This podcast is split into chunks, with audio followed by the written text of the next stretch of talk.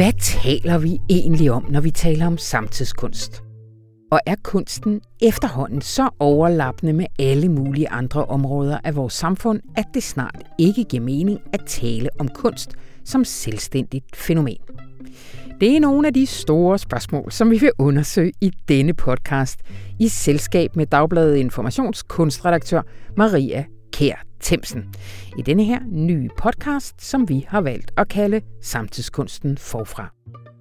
Mit navn det er Anna von Sperling, og det er ikke helt uden anledning, at vi sådan plumper ned i dit feed lige nu.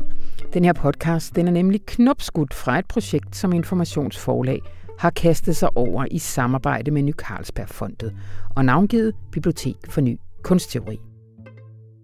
Ideen det er at udgive forløbig syv planlagte bind med danske nyoversættelser af nogle af samtidskunstens væsentligste tænkere og teoretikere.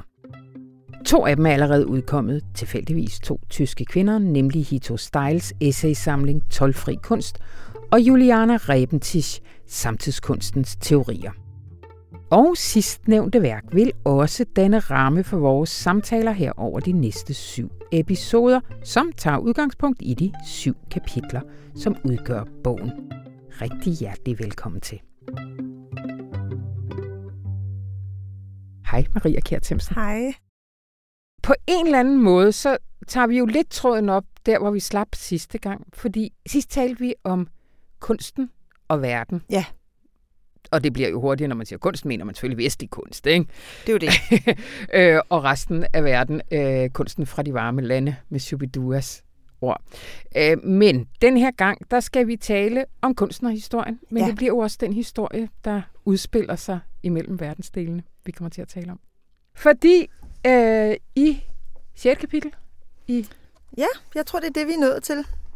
Og det hedder Det fortidige fremtid, historie i kunsten. Yes. Var det kunstagtigt at sige det fortidige fremtid? det afslører lidt, hvor vi er henne. Sådan, øh, ja. Genren. Det det er en filosofisk bog ja. om kunst. Der er jo, som, som udgangspunkt, er der jo noget altså interessant, sådan modsætningsfyldt ved at tale om samtidskunstens behandling af historien. Ja, det kan man måske godt sige, men øh, samtidskunsten beskæftiger sig også med historien. Yeah. Den kan beskæftige sig med, ja, med alle de emner, vi har været inde på efterhånden. Øh, men øh, historien er også et emne, og det har det været faktisk øh, heroppe igennem øh, i det nye årtusinde særligt, øh, vil jeg nok våge at påstå, mm. at der er kommet en ny historisk bevidsthed ind i samtidskunsten, hvor, hvis man sætter det lidt firkantet op, kan sige, at... Øh, 90'erne var nok mere, altså i hvert fald på den sådan øh, internationale scene, interesseret i det, man kalder relationel æstetik øh, eller social plastik, altså det mem- mellemmenneskelige møde, der blev etableret. Øh, de kunstnere, der nu engang blev populære i det årti, øh, forsøgte at lave etablere møder snarere end at skabe skulpturer, for mm. eksempel. Mm. Eller man kan sige 80'erne, hvor det store felt var de unge vilde, øh, der lavede malerier med sådan nihilistisk øh, temperament med, øh, med koste eller urin eller hvad det nu var. Altså sådan en, en typisk sådan nedbrydningsagtig øh, mm. aktion på maleriet. Mm. øh, men, men den... Og egentlig også tænkte jeg, hvis man går helt tilbage til 70'erne, så var mm. det vel heller ikke historie, man var interesseret. Der var man interesseret i at skabe historie. Ja, altså. ja, ja, præcis. Og, og lave nogle nye aktioner, der også ja. på en eller anden måde øh, skabte en fra, ny fremtid, eller ja. perspektiver for nye kollektive fællesskaber osv. Så, så, videre. så øh, nej, det, det med det historiske, det er nok først øh, op i det, det nye 21. århundrede, at vi ser det som et, som et dominant felt mm. i, i samtidskunsten. Ja. Øh, en af de ting, Julian Rebentisch øh, slår ned på, det er det her med arkivet som ja Vel også kunstgenstand? Og som, ja, ja, arkivet, det blev sådan et, øh, et meget... Øh, det blev nærmest sådan en modefænomen øh, på et tidspunkt, hvor, hvor der ikke var den samtidskunstner, der ikke skulle øh, lige pludselig er i arkivet og kigge ja. efter en eller anden skjult eller gemt historie, og, og i visse tilfælde blev det rigtig god kunst, og er et super relevant greb at bruge i forhold til at få afdækket nogle perspektiver af vores fælles kollektive historie, som måske enten er blevet helt gemt i et arkiv, det vil sige aldrig har været øh, vist for offentligheden før, eller har, er blevet glemt simpelthen.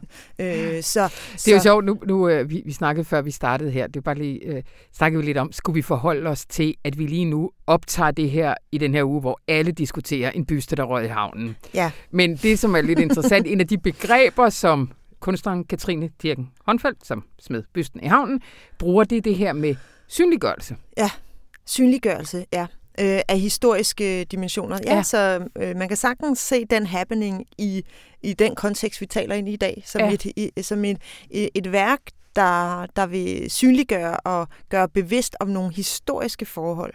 Og på den måde ligger det sig helt i tråd med mange af de øh, praksiser, som, som gør præcis det samme, bare på med nogle andre metoder ja. måske. Men øh, arkivet er et oplagt sted. Det er blevet usynligt, når det ja. først ryger i arkivet. Ja, man kan sige, altså for at komme med et andet eksempel i forhold til hele den her postkoloniale diskurs, som Katrine Dirken Holmfelds aktion også øh, indskriver sig i. Mm. Det er um, Anne Honing, som havde et værk ude på, jeg nævnte det kort sidste udsendelse, men øh, for at gå lidt nærmere ind i det, hun havde en udstilling, øh, en total installation i kælderen ude på den frie her i foråret, øh, hvor øh, det, øh, et værk, der hedder Half Hidden, øh, som allerede der taler lidt om, at det er nogle ting, der har været i hvert fald lidt skjulte, øh, hvor hun går ind i arkivet, Rigsarkivet, og øh, at fremføre nogle dokumenter, der handler om den danske udnyttelse af de grønlandske naturressourcer, øh, særligt i en øh, helt specifik øh, mine for kry, kryolit i, i Grønland, hvor øh, Danmark var øh, inde og lave den her udgravning og udvinde det her mineral til at skabe ny teknologi, al- aluminium faktisk, øh, som blev brugt også til både og fly og så videre, så vidt jeg ved, under verdenskrigen. Så øh, den historie øh, har ikke været noget, der har været sådan offentligt kendt før.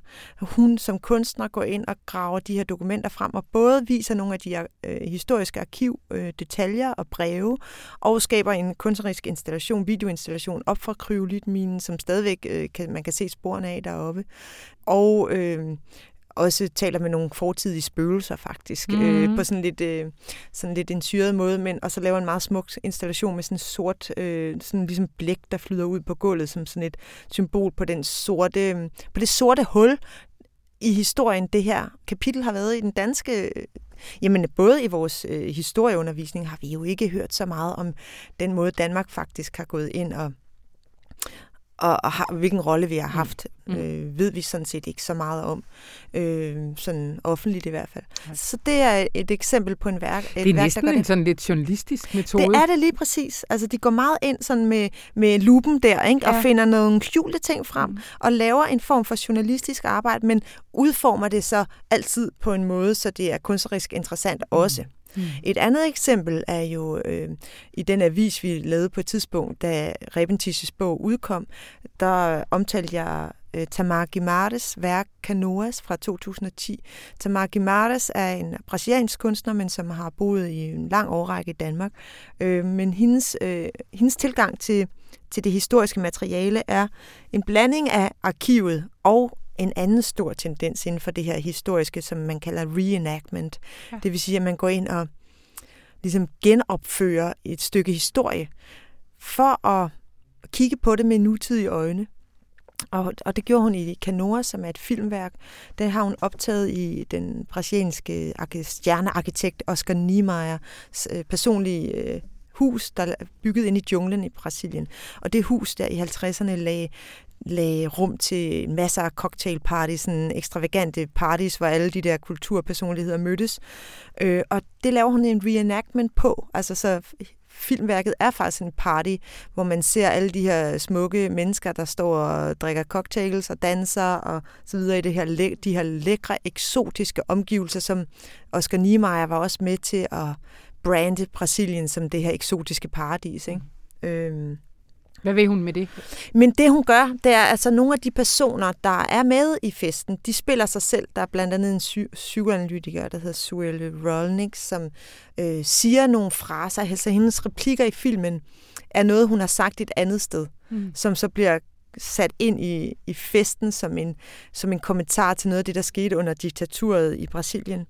Man hører sådan de der festgængere, der, der står og taler om nogle af de episoder, voldelige episoder, der skete under diktaturet, mm. og den brasilianske arkitektur, modernistiske arkitektur og så videre, og det klassesamfund, der også er i Brasilien. Så hun bruger den der fest som en ramme for at i tale sætte nogle helt konkrete, specifikke historiske ja. ting, men i en nutidig kontekst. Ja. Øh, så det bliver sådan en ekokammer, som også handler om Brasilien i dag.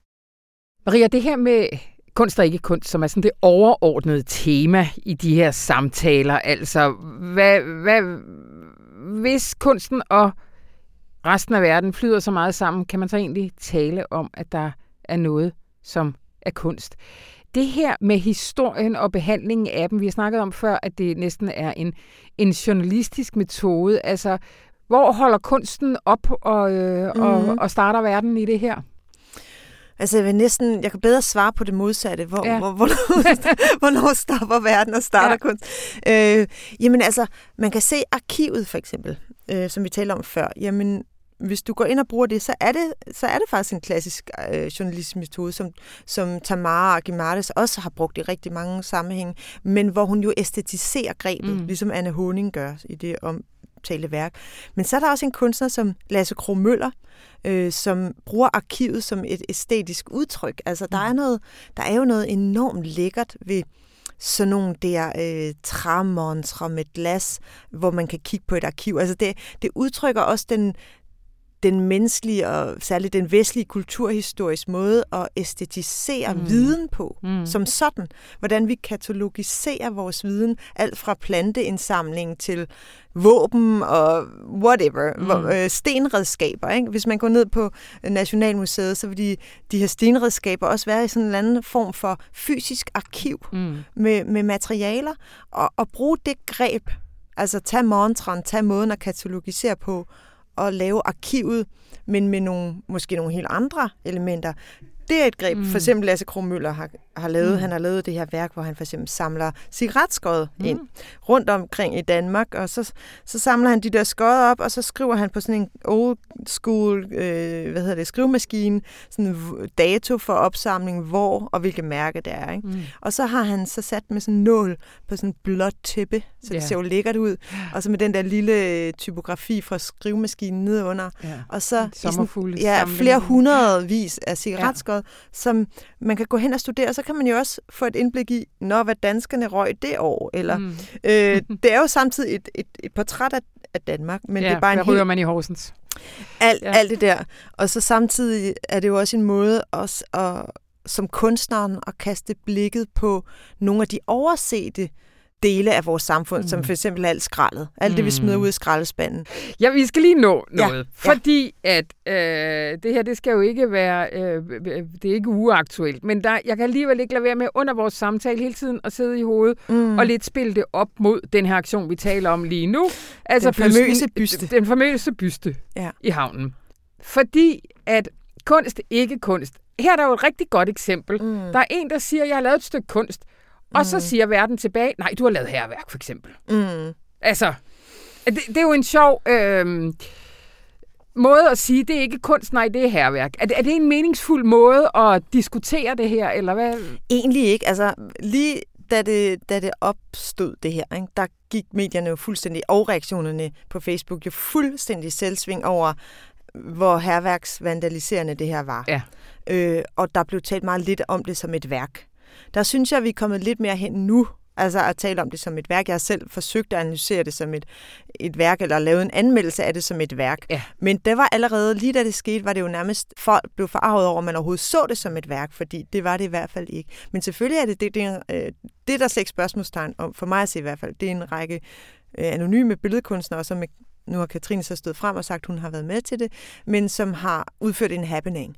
Men øh, så kan man jo, derfra er der jo sådan en lang række spørgsmål, og der er jo, yeah. der er faktisk en meget, meget stor tradition i kunsthistorien for dels at at destruere værker. Ja. Ja. altså det, ja. det er ikke en ny... Øh, og, og noget andet, der er en stor tradition for, det er at bruge chokket som, som opvågningsmetode. Mm. Altså det var, en, øh, det var en den historiske avantgardes største greb, det var at lave et chok ja. sådan til den alme, almene befolkning øh, kunne vågne op af deres øh, forbrugsstøs Plast. eller deres Ja. ja. kedelige hamsterhjulsliv og, og ligesom at se verden på ny. Ja. Og Man kan sige lige præcis de to ting indskriver den her happening sig fuldstændig i. Og det er jo sjovt, den indskriver sig jo også lidt i det, vi har talt om her, fordi mm. Her tager hun jo også noget, som er i arkivet. Hun en, tager et arkiv. ja, en byste, der har Ja. stået der som en del af den faste Ja. øh, installation på Kunstakademiet, Ja, ja, og ja. tager den ud af der Ja. og... Øh, Og der, hvor det her værk i hvert fald er lykkedes, det er, at hold da op, der er der blevet talt om det på en... Det kan godt være, at det har været nogle lidt øh, ufrugtbare samtaler, nogle af dem. Men tænk nu, hvis det kunne komme hen et sted, hvor det faktisk blev talt om det, de gerne vil med det. Ja. Men kunstnerens intention, det er jo bare ærgerligt nok. Den drukner tit i effekten af... Øh, Ja, og, ja, det er, ja. og, og der kan man sige lige præcis det her greb, de har valgt af... Der havde de... Ja, det er svært at sige. Man kan jo altid komme med alle mulige gode forslag til, hvad de så kunne have gjort i stedet. Præcis, men det, det må vi snakke om. Ja. Ja. Man kunne sådan blive ved med at snakke om. Det, var, øh, det er bare sjovt, at det der, vi har talt om sådan flere gange, det der med, kan man sige, det er ikke kunst, hvis det ikke er på et museum. Det er ikke kunst, hvis det er øh, herværk. Altså, det kan man i hvert fald ikke bruge Nej, som udelukkelse af, Nej. at nu, nu Nej. vi... Øh, fordi det er i havnen og ikke på et museum, ja. Kan det er stadigvæk ikke kunst. kunst. Det er stadigvæk ikke kunstværk. Ja. Ej, ved du hvad, Men jeg, synes jo, det er så dødssygt, at man altid, og det er typisk Danmark faktisk, det er sådan, Ja, at man altid skal starte med spørgsmålet, er det kunst? Det er det mest kedelige spørgsmål. Altså, fordi det er bare sådan, jamen, hvis du lægger en bog foran mig, og, og man, hver gang man skulle starte med, jamen, er det her litteratur? Ja. Sådan, altså, hvis det er en Ja. bogform, og der står en tekst, og jamen, skulle vi så ikke tale om, det er god litteratur eller Ja. dårlig litteratur, i stedet ja. for at tale om, om det overhovedet er det, fordi det er det jo så konkret. Ja. Øh, og det her værk er selvfølgelig også et kunstværk, altså det med bysten i havnen. Og man kan sige, det har øh, vagt en debat til live, som måske ikke har været der så radikalt før. Og det, og det, det er den gode ting ved det. mm. Og, og jeg vil sige, bare lige for at erklære mig enig i det, som de positioner gerne vil, en af tingene i hvert fald, så synes jeg, det er rigtigt, at den side af historien, som de gerne vil grave frem, vores koloniale fortid, jamen den har vi jo faktisk. Det er rigtigt nok ikke talt nok om. Nej. Og vi har slet ikke talt om, hvordan den påvirker i dag. Nej. Så derfor er det et greb, der taler lige ind i det felt, vi taler om i dag her med historien i kunsten, hvordan vi aktualiserer historien i samtidskunsten til øh, fremtiden. Hvordan man tager et element fra fortiden, gør et eller andet med det i Mhm. nutiden, sådan til at vores blik på fremtiden bliver Ja. påvirket. Og det har det her værk jo da i hvert fald gjort. Og det var det for denne gang. Ja. Tusind tak, Maria Kjær Themsen. Jamen selv tak. Og i næste afsnit, der skal vi tale om land art. Lyt med.